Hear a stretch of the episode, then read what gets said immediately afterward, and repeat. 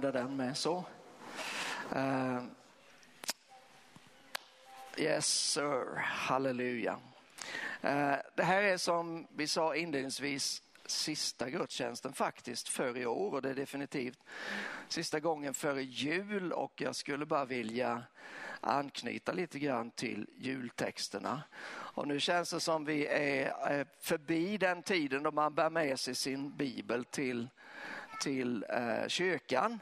Men eh, om du har den så får du gärna slå upp den i Lukas andra kapitel och annars kan du ju lyssna desto mer noggrant eller du kanske tittar på den på någon skärm. Och du som är där hemma, eh, ja, du får också gärna följa med i Bibeln. Vi ska läsa några bibelverser och de flesta av dem kommer faktiskt på den här lilla skärmen bakom mig så du kan se det också där. Um, men eh, det är en fråga som vi möter här idag och det är om vi har plats eller om vi har rum. Eh, och texten då, ja, den hittar vi i den sjunde versen i Lukas 2. Ska jag slå upp det med då ja. Eh, Lukas 2 och 7. Hon födde sin son den förstfödde hon lindade honom och la honom i en krubba eftersom det inte fanns plats för dem i gästrummet. Många översättningar säger värdshuset eller härberget eller någonting i den stilen då. Men sensmoralen är densamma. Eh, det var svårt att få plats för dem. Eh, och det var säkert inte så eh, konstigt. Det fanns säkert goda skäl till detta. Det var ju trots allt en skattskrivning. Alla skulle resa till den plats de kom ifrån så det var säkert fullbokat på de flesta håll. Ehm, och så finns det förstås som vi för det jag vill göra, som du kanske anar av rubriken, det är ju att jag vill föra över den här tanken till din och min situation så finns det säkert fullgoda skäl många gånger. Eh, att äh, men det fanns inte riktigt plats eller eh, det är mycket nu. Alltså vi har sagt det i 20 år. Har vi sagt, det är mycket nu. En del har satt i system och säga det. Eh, men, men oavsett om vi säger det eller inte så är ändå vår tillvaro alldeles ofta precis på det sättet. Det vill säga det är så fullt upp. Och eh, då är det ju bra om någon kommer någon gång och höjer ett, ett varningens finger eller en påminnelsens eh, vädjan eh, till oss, eh, tänker jag. Men eh, om man tänker på den här situationen, här kommer Josef och Maria. De eh, de gör inte den här resan därför att de önskar egentligen. De gör den här resan eftersom de är tvungna. Hade de själva fått välja så hade de säkert valt ett annat tillfälle. Därför att det, det var inte så lätt att resa med en höggravid eh, ung kvinna. Eh, och eh, det var ju mycket osäkerhet kring hela situationen givetvis. Man får komma ihåg att landet det var ockuperat av romarna. Det var liksom inte, det var inte säkert att vara ute. Ehm, det var stora umbäranden. Eh, så de, om de hade fått välja hade de säkert valt ett annat tillfälle. Men emellertid så kommer de dit och precis när de kommer dit till Betlehem, innan de har hunnit och, och göra så mycket annat, så vänder sig Maria till sin Josef och så säger hon, nu händer det. Det är dags. Och alla ni som har, har varit, varit, i den där situationen, antingen som föderska eller som medföderska höll jag på att säga, men det kanske blir fel, men som eh, stått bredvid och eh, undrat hur i hela friden ska jag göra nu? Ni vet att eh, då är det inte som, det är liksom, nej, nu, det passar inte nu. Utan vi tar det en annan gång, utan det är bara go with the flow. Man måste bara göra det och då var ju frågan var ska vi göra detta någonstans? Och det är där vi hittar dem i den här situationen. Det fanns inget rum för dem. Om man tänker sig nu att det var ett värdshus, det är väl så vi vanligtvis tänker, eller de kanske kollade på flera ställen, så måste man ju säga att de, den eller de värdshusvärdarna som nekade dem, vilken sjuk miss de gjorde. Alltså, jag, jag tänker på, um, ja, du David har också varit nere i Gjakova Jakova i Kosovo. Och um, där finns pastor Nick och han, han brukar skona sin fru ofta så han säger vi går och äter här och så går man till ett hotell några hundra meter bort eller man åker bil för han gillar att åka bil. Och så kommer man dit och så har de en restaurang på andra våningen och det är ju ett sånt här kändisställe. Så att många eh, kändisar har varit där, så det talar vi presidenter och filmstjärnor och så här då. Och då finns det ju uppsatt foto på dem där de står ihop med ägaren. Så här då. Och eh, det är ju deras stora marknadsföringsgrej. Tänk den värdshusvärd som hade kunnat säga, ja, det var här det hände. Ni kan till och med få hyra det rummet där det skedde. Messias, världens frälsare, universums härskare. Det var här han kom till jorden. Han skulle ha fullbokat hela tiden, oavsett skattskrivning eller inte. Så det var en sjuk tabbe som de gjorde. Men varför blev det så? Jo, därför att det var ingen som visste det. Och det är ofta så det är. Kanske är det så för oss också. Att vi förstår inte förrän efteråt vad det är vi missar. Och därför så är det högst relevant, tänker jag också för oss, att ställa frågan, har vi rum för frälsaren?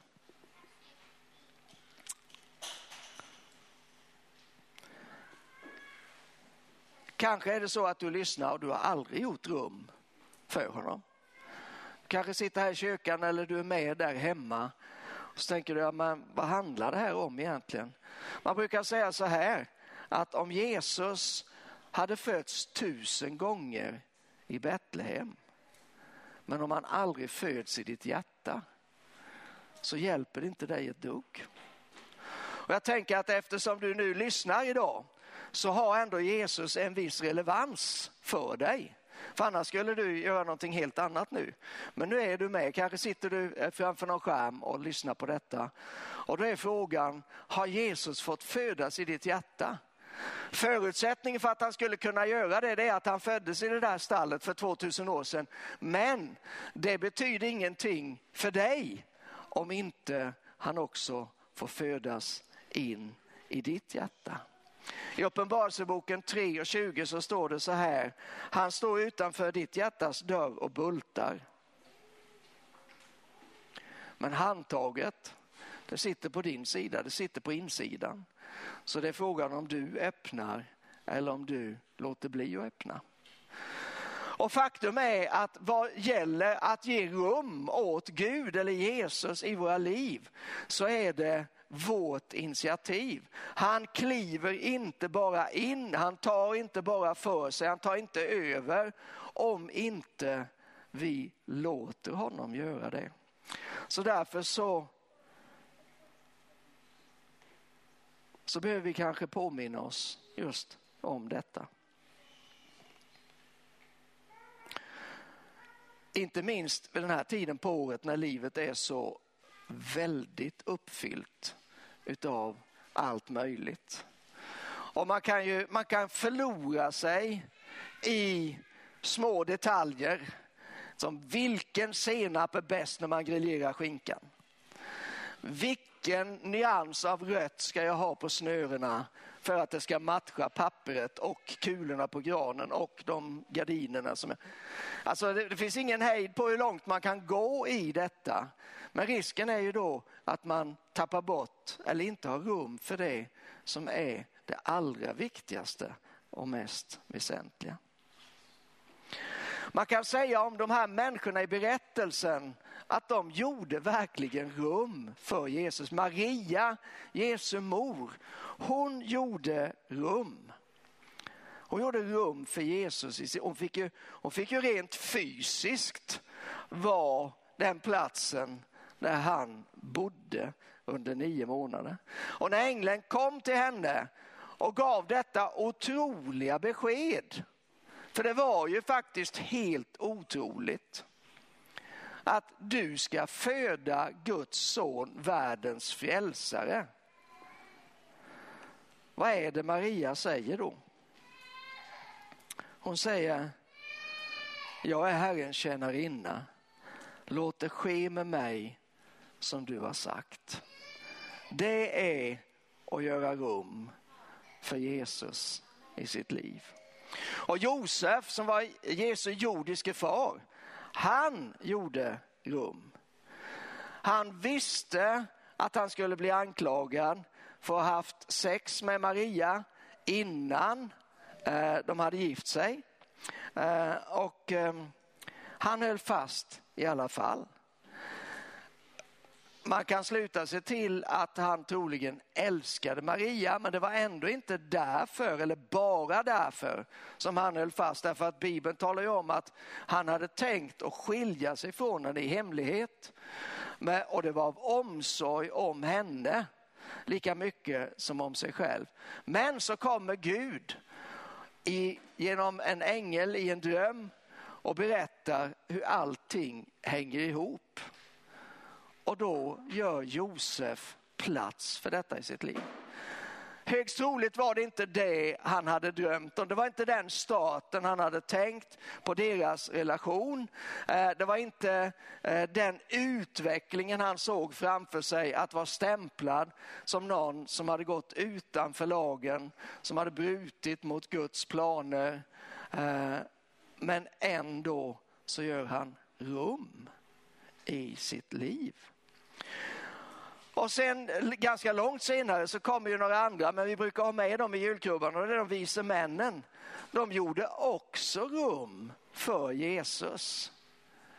De lämnade sin välordnade tillvaro, för de var ju eh, välbeställda, högutbildade personer och reste under månader för att ta sig dit som stjärnan ledde dem.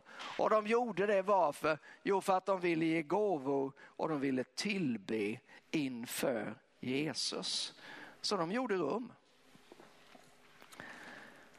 Men alla gjorde inte rum. Värdshusvärden, ja han kanske gjorde sitt bästa för att någonstans hittade de ju ändå eh, ställe där de höll djuren och så fick de fick de vara där. Så vi kanske inte ska klaga för mycket på honom för det vet vi inte riktigt. Men en som absolut inte gjorde rum det var Herodes. Herodes låtsade att han gjorde rum. Han sa, ja men gå och leta reda på var han är någonstans för jag vill också komma och tillbe och ge mina gåvor. Fast det ville han egentligen inte alls. Och han bevisade det när han sen lät döda alla gossebarn som var två år eller yngre i hela Betlehemstrakten. Så det är inte alls självklart att alla gör rum för Jesus. En del människor går genom livet, de hör de goda nyheterna men de säger nej. Om du lyssnar den här dagen och befinner dig i den här situationen så ska du veta att just den här dagen så är det ett tillfälle för dig och göra rum för Jesus i ditt liv. Du kan säga jag vill inte det eller det kostar för mycket.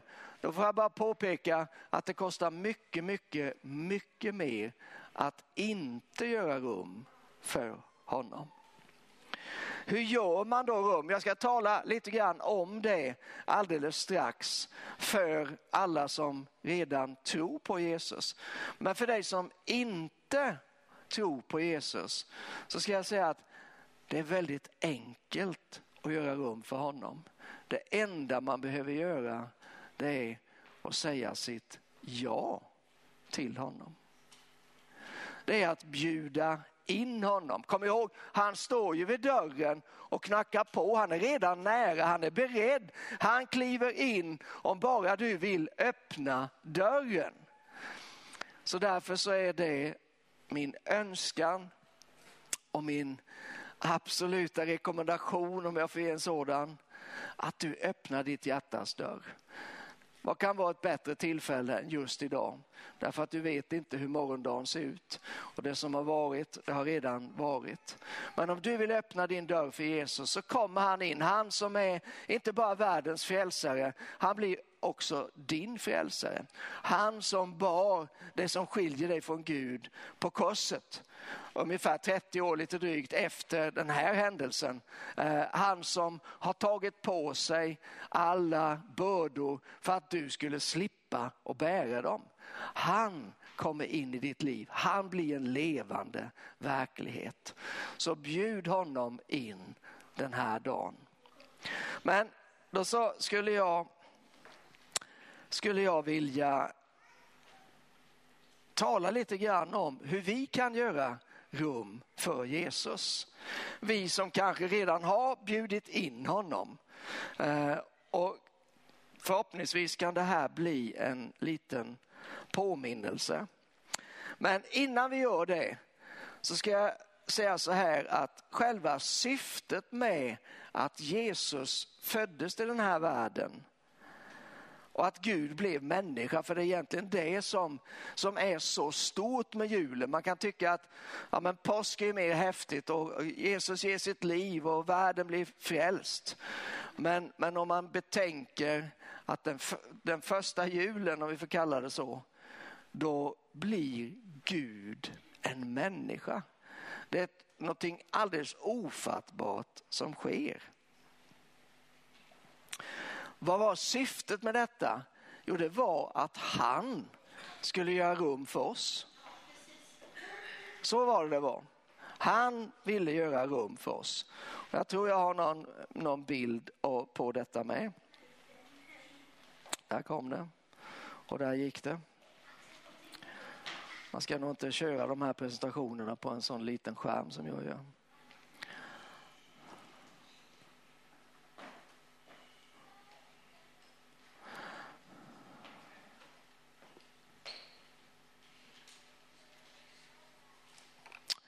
Vi ska läsa i alla fall. Här kom det. Så här säger Jesus i Johannes 14. I min fars hus finns många rum. Om det inte vore så skulle jag då ha sagt er att jag går bort för att bereda plats åt er.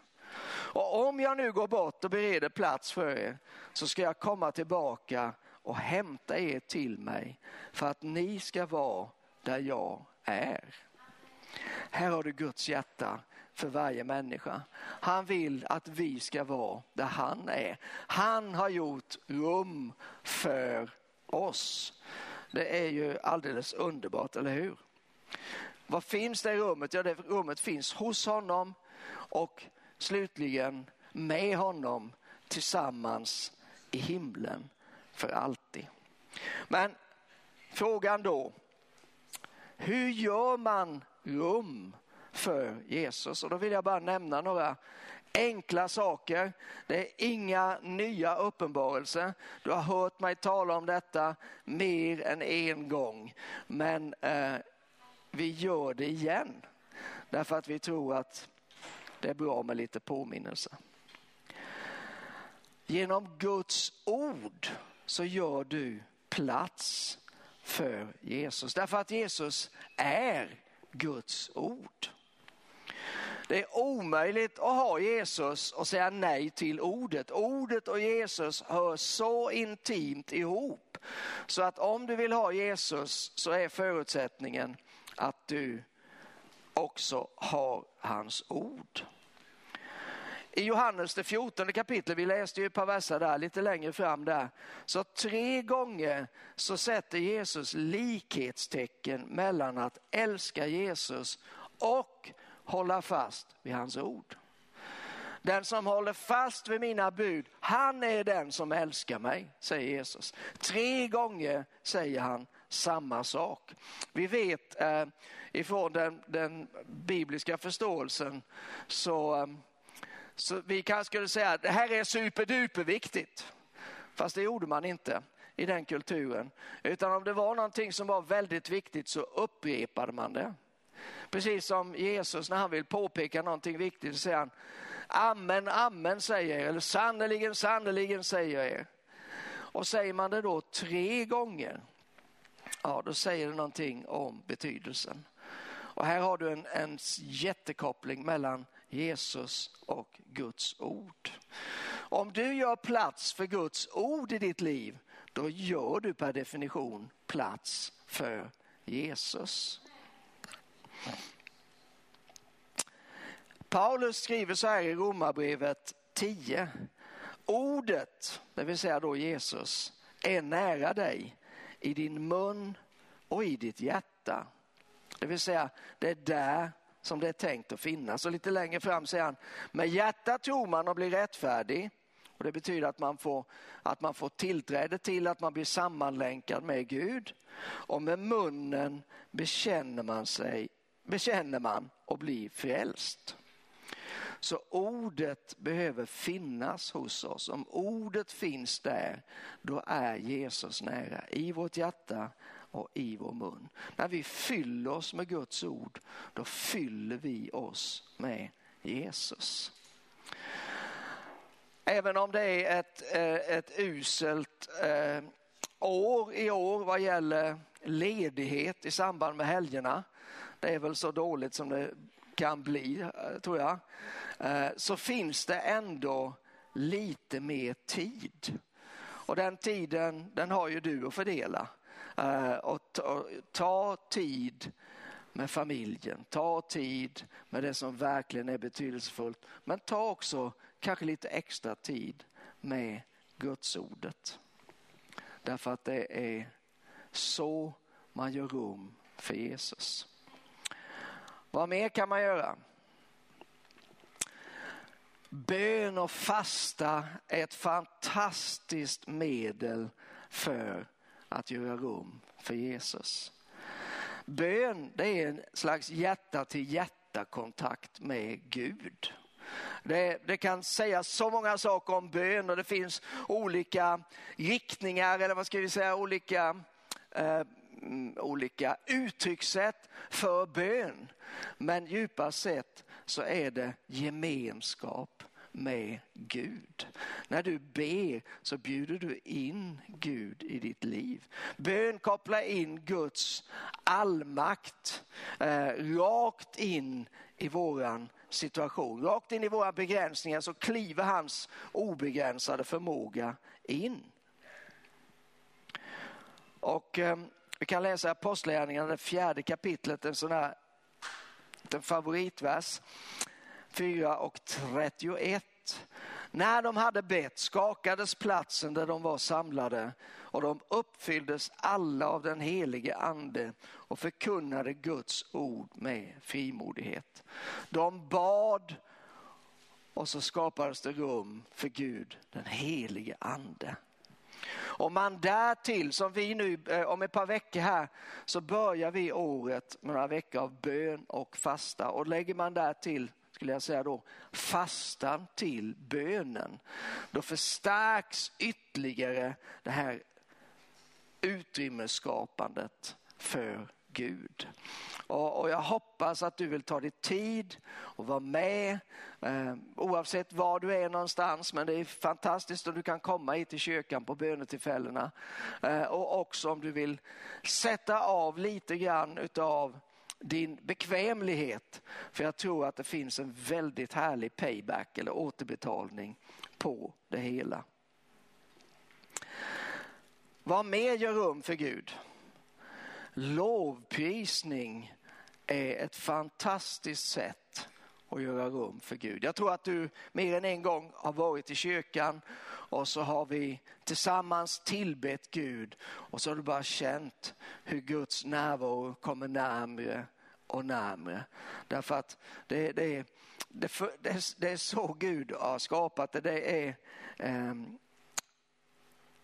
Egentligen kanske det är det att man glömmer bort sig själv lite grann.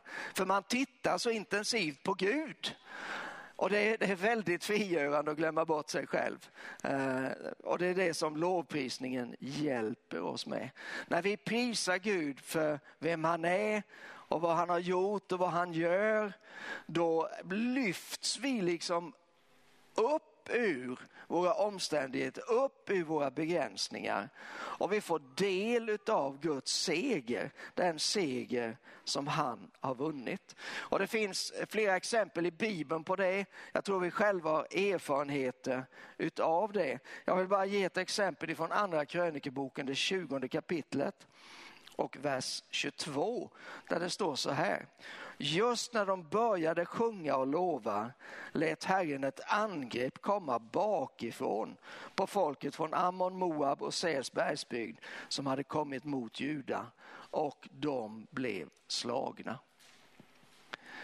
Just när de började sjunga och lova så kliver Gud in. Gud får utrymme och när han gör det då slår han fienden.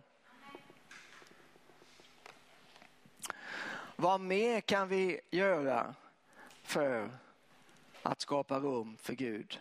Jag tänker att tacksamhet är någonting som bara liksom bjuder in Gud. Tacksamhet till Gud, självklart, det ligger i lovprisningens natur.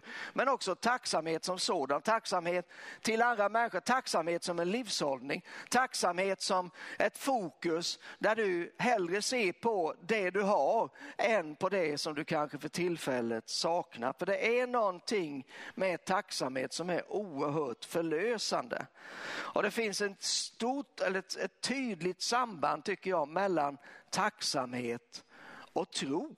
Och tro är ju egentligen, om vi ska försöka landa detta någonstans, så alla de här sakerna de kopplar ju på något sätt med tro. Det är inte så att ah, det är så många saker man måste göra och jag liksom blir så trött på att göra detta. Det måste du predika så logiskt. Nej, men vad, vad syftar de här sakerna till? De syftar till att stärka din och min tro. Och det är en tro som inte bara bjuder in Gud utan som gör det möjligt för Gud att kliva in och att vara verksam i våra liv.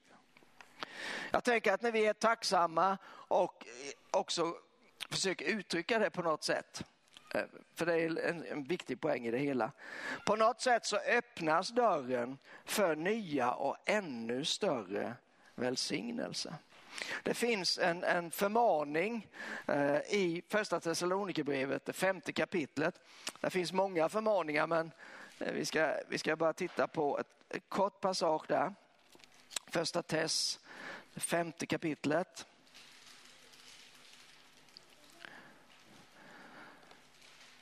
Tre olika korta, det är bland de kortaste verserna i Bibeln. Det är vers 6, 16, 17 och lite in i 18. Var alltid glada, be utan uppehåll och tacka Gud i allt. Var alltid glada, be utan uppehåll, tacka Gud i allt. Detta är Guds vilja med er i Kristus Jesus. Tacka Gud i allt. Man behöver inte tacka för allt. Det finns saker som händer i våra liv och som inte alls har med Gud att göra. Det är ingen idé att tacka Gud för de sakerna. För det skulle ju vara detsamma som att säga att det var du Gud som gjorde det.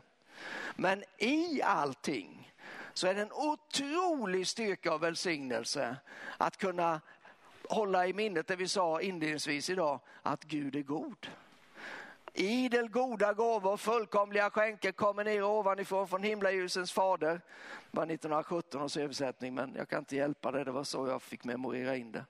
Jag är så gammal. Men det är sant, icke desto mindre. Det är bara fullkomliga gåvor som Gud ger. Och därför så, så tackar vi honom för det. Även när vi är i svåra omständigheter så tackar vi Gud för att han ändå är god, för att han är på vår sida, för att han är den som har makten att ta oss igenom.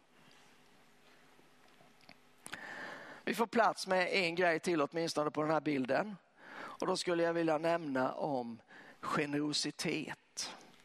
Det hör ju den här tiden till, det är saligare att än att få. Precis. Eh, och det vet vi alla fast vi eh, lever inte alltid efter det. Men när vi helst vi kommer ihåg detta eh, så blir vi välsignade för när vi ger då kommer någonting tillbaka. Ge och er ska bli Ja, ett gott mått väl packat, skakat och överflödande ska... Ja, ni kan det, eller hur? Vi behöver bara påminna oss om det ibland. Vi gör rum för Gud när vi ger. Ehm, jag hade konfa nu i veckan och eh, jag talade om en av mina favoritillustrationer, skillnaden mellan Genesarets sjö och Döda havet. Båda ligger väl under havsytan, men det som skiljer dem åt, Genesarets sjö, är fylld av fisk. Det finns 27 olika fiskarter, det finns yrkesfiskare som fiskar där fortfarande idag. Eh, det är plunkar runt omkring, det är grönt och det är liksom massa fåglar. Det är liksom fågelskådare älskar att vara där vid. Så åker man ner, inte alls särskilt långt, vad kan det vara? 20-30 mil någonstans ner till Döda havet. Eh, och där är fullständigt sterilt, finns inte en firre i havet. Eh, inga fåglar gillar att vara där. Eh, det växer ingenting runt omkring. Det är någon palm man har försökt att rota ner där och få leva. Eh, vad är det som är skillnaden? Det finns ingen, alltså Döda havet är inte generöst. Döda havet ger inte ut, det är bara att ta emot. En sån otroligt talande bild som, som Gud har gett oss där. När eh, alla flyktingarna kom för fem år sedan nu eller vad det kan vara någonstans så var det ju väldigt omdiskuterat. Vad gör vi? Hur många ska det komma? Hur ska vi ta hand om dem? Och relevanta frågor förstås att ställa då. Men det blev en del landade i slutsatser som var ganska okristliga. Eh, och då vet jag, jag delade, jag eh, hittade ett uttalande och så delade jag det på en bild eh, på, på sociala medier. Eh, och eh, den här, jag kommer inte ihåg exakt hur det var formulerat men det var ungefär så här. När du har vad du behöver, bygg ett längre bord, inte ett högre staket. Det vill säga, dela med dig av det du har. Slå inte vakt alldeles för mycket om det utan var generös. Och det är ju, det är ju sant tror jag, tror inte du det också? Ja, eh, och det finns många, man behöver inte vara kristen för att leva på det sättet. Det finns många människor som inte tror på Gud men som ändå är supergenerösa. Men Gud, han utmanar oss ju ännu mer. Han säger så här i Jesaja 58. Dela ditt bröd med den hungrige. Ge de fattiga och hemlösa en boning. Klä den nakne när du ser honom. Dra det inte undan för den som är ditt kött och blod. Och lite längre ner så säger han. Om du delar med dig av vad du har åt den hungrige och mätta den som lider nöd och så vidare. Så där är förutsättningen inte om du har överflöd, se till att dela med dig av det överflödet, utan utav det du har. Dela det med andra. Var generös med det du har. Varför? Jo, därför att då öppnar du för Gud. Du gör rum för Gud, du gör rum för hans försörjning, du gör rum för hans välsignelse. Emellan de två bibelorden jag läste här från Jesaja 58 så finns det ett, ett annat bibelord då. För jag läste från vers 7 och lite från vers 10 men i vers 8 och 9 så står det så här. Då ska ditt ljus bryta fram som gryningen och ditt helande växa fram med hast. Din rättfärdighet ska gå framför dig och Herrens härlighet följa i dina spår. Då ska Herren svara när du åkallar honom och när, när du ropar ska han säga, här är jag. Då har han kommit nära. Då har han flyttat in. Då har du gjort rum för honom i ditt liv. Och då är han där. Och det är värt mer än alla rikedomar, alla skatter, vad vi än kan räkna upp och komma på. Det finns eh, ett par tillämpningar som, som vi ska försöka att landa i här innan vi säger amen. Eh, och den ena är ju, har ju med din och min direkta relation med Gud att göra. Vi behöver Gud i våra liv. Om vi bara fattade hur mycket vi behöver Gud i våra liv så skulle vi vara mycket noggrannare med och vi skulle göra mycket större utrymme för honom i våra liv. Och vi kan göra det genom att, att låta ordet och, och bönen få vara en, en, en del av vår vardag eh, Och lovprisning är med för den delen. Att odla tacksamheten, att vara generös. Men det finns också eh, en annan dimension av detta som är absolut nödvändig att ha med sig. Och det är ju att, att jag tror att det fanns med som ett bibelord med här. Eh,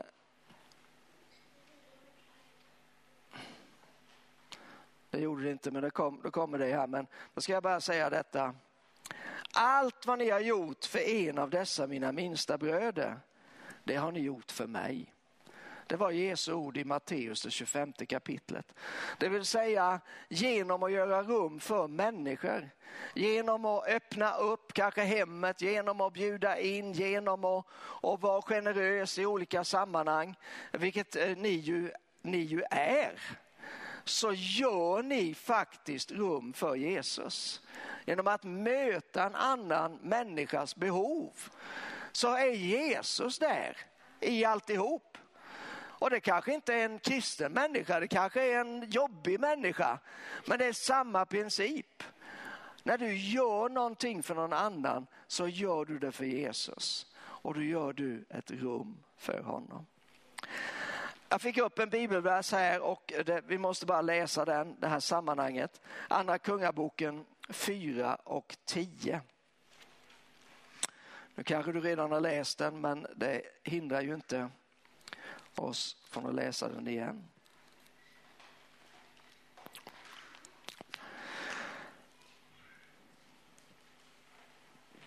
Eh, det här är en berättelse om Elisa, en Guds profet i det gamla förbundet.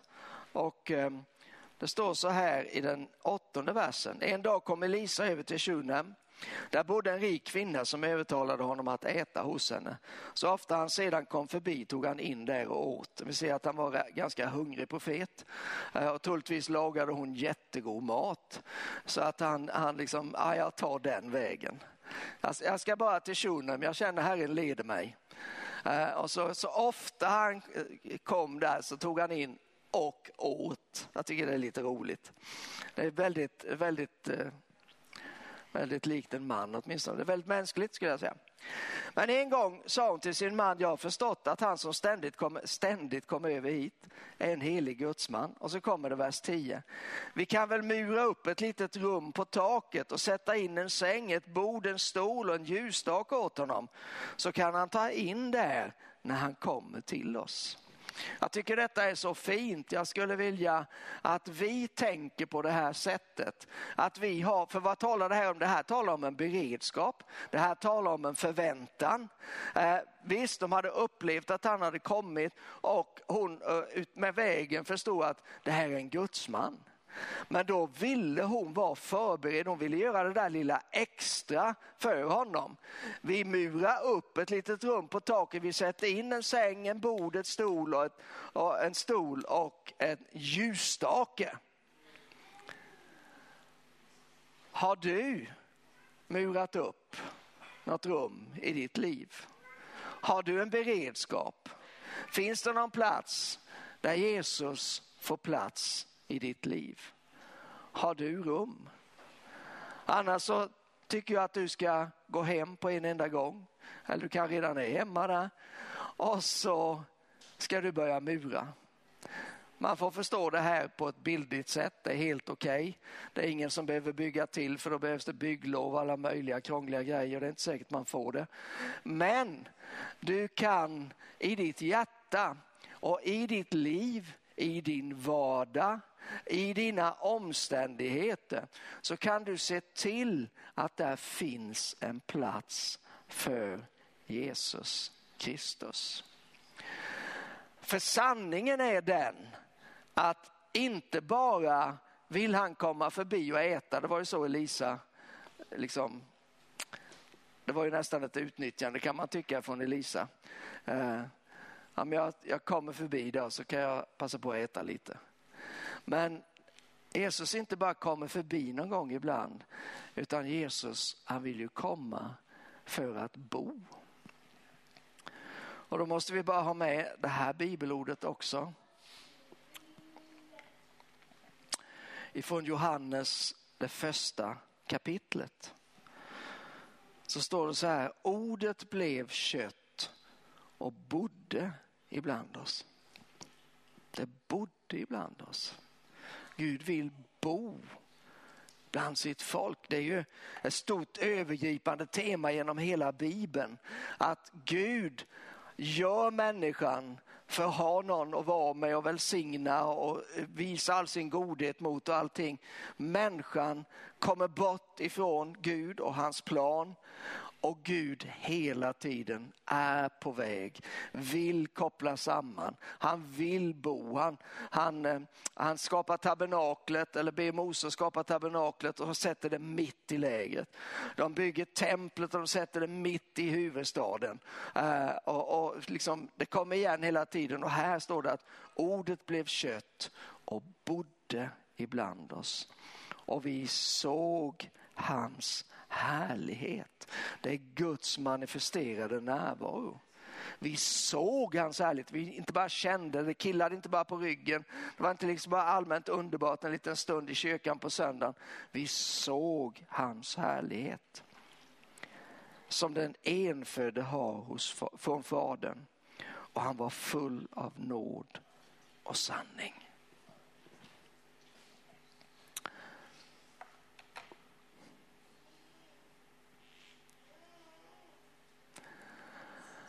Så ta med dig den här frågan hem idag. Har du rum? Om inte du har rum, eller du tycker att jag skulle vilja utvidga rummet, platsen, utrymmet för Gud i mitt liv. Då kan du göra någonting, eh, något steg göra en julklapp som inte, och ge till någon som inte du förväntar dig att få någonting annat tillbaka ifrån. Eller att börja göra en tacksamhetsjournal. Att du varje dag, det visar sig att de som gör en liten, skriver upp eller gör någon liten bokslut varje dag, kanske vid slutet på dagen och bara ja, men idag är jag tacksam för. Människor som gör det regelmässigt, de mår bättre och lever längre.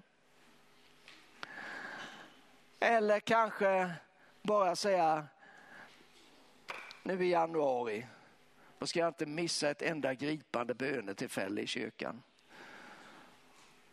Och jag vet inte om jag kan fasta för jag är inte bra på det. Nej, det jag kan säga att det är väldigt få som är bra på det. Det är inte därför man gör det. Det är liksom ingens bästa gren, tror jag inte.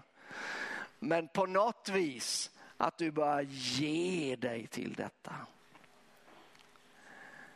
Eller att du upprättar ett bönaltare. Jag tror att nästa år, vi har pratat om det i Livsord Family, att nästa år ska vi ställa oss upp på nytt när det gäller bön, när det gäller bön för nationen. Eh, så jag tror att nästa år kommer att vara ett år med extra betoning på bön. Att du och jag, att vi är med och ger oss till detta. Eller för att göra bara lite mer utrymme. På något sätt, man måste ju inte tillämpa alla de här principerna för man kanske inte kommer ihåg dem i alla fall när man kommer hem.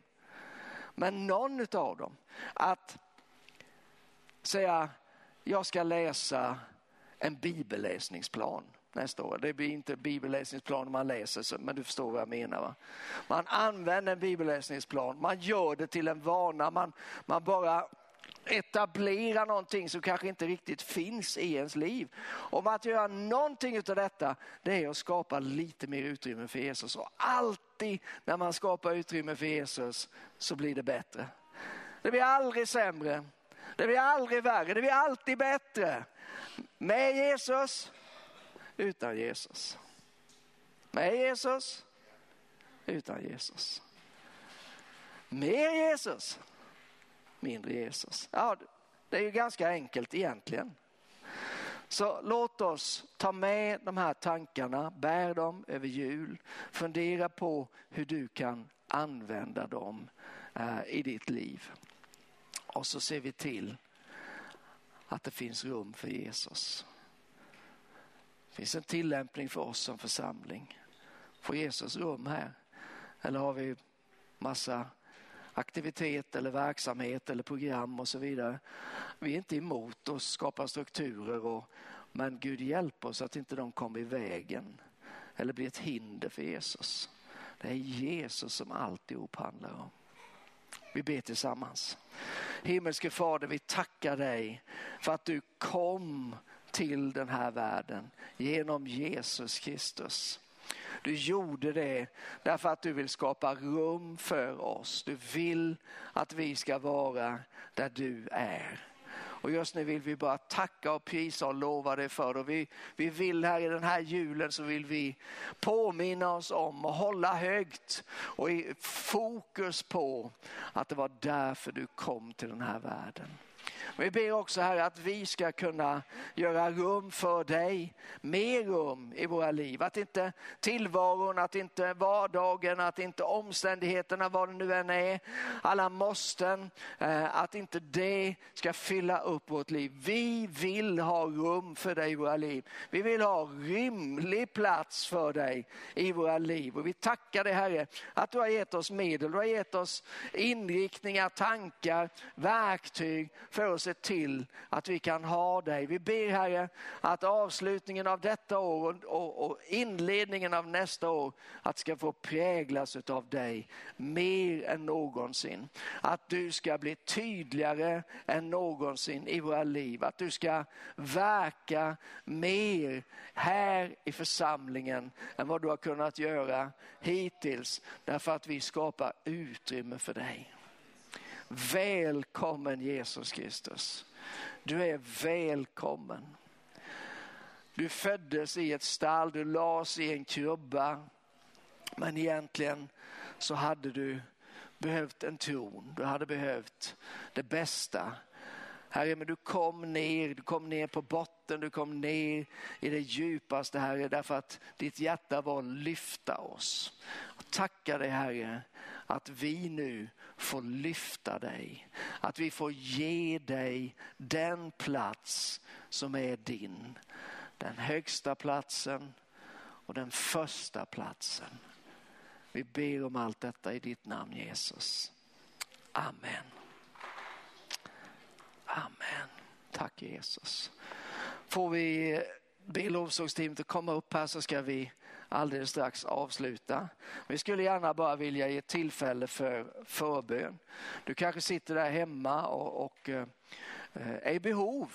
Kanske skulle du vilja ta emot Jesus, kanske skulle du behöva förbön för någon situation i ditt liv eller för någon anhörig eller någonting som berör ditt hjärta. Du kan gärna skriva i chatten och så, så, eh, så får du eh, var med och var involverad, inkluderad i den här bönen.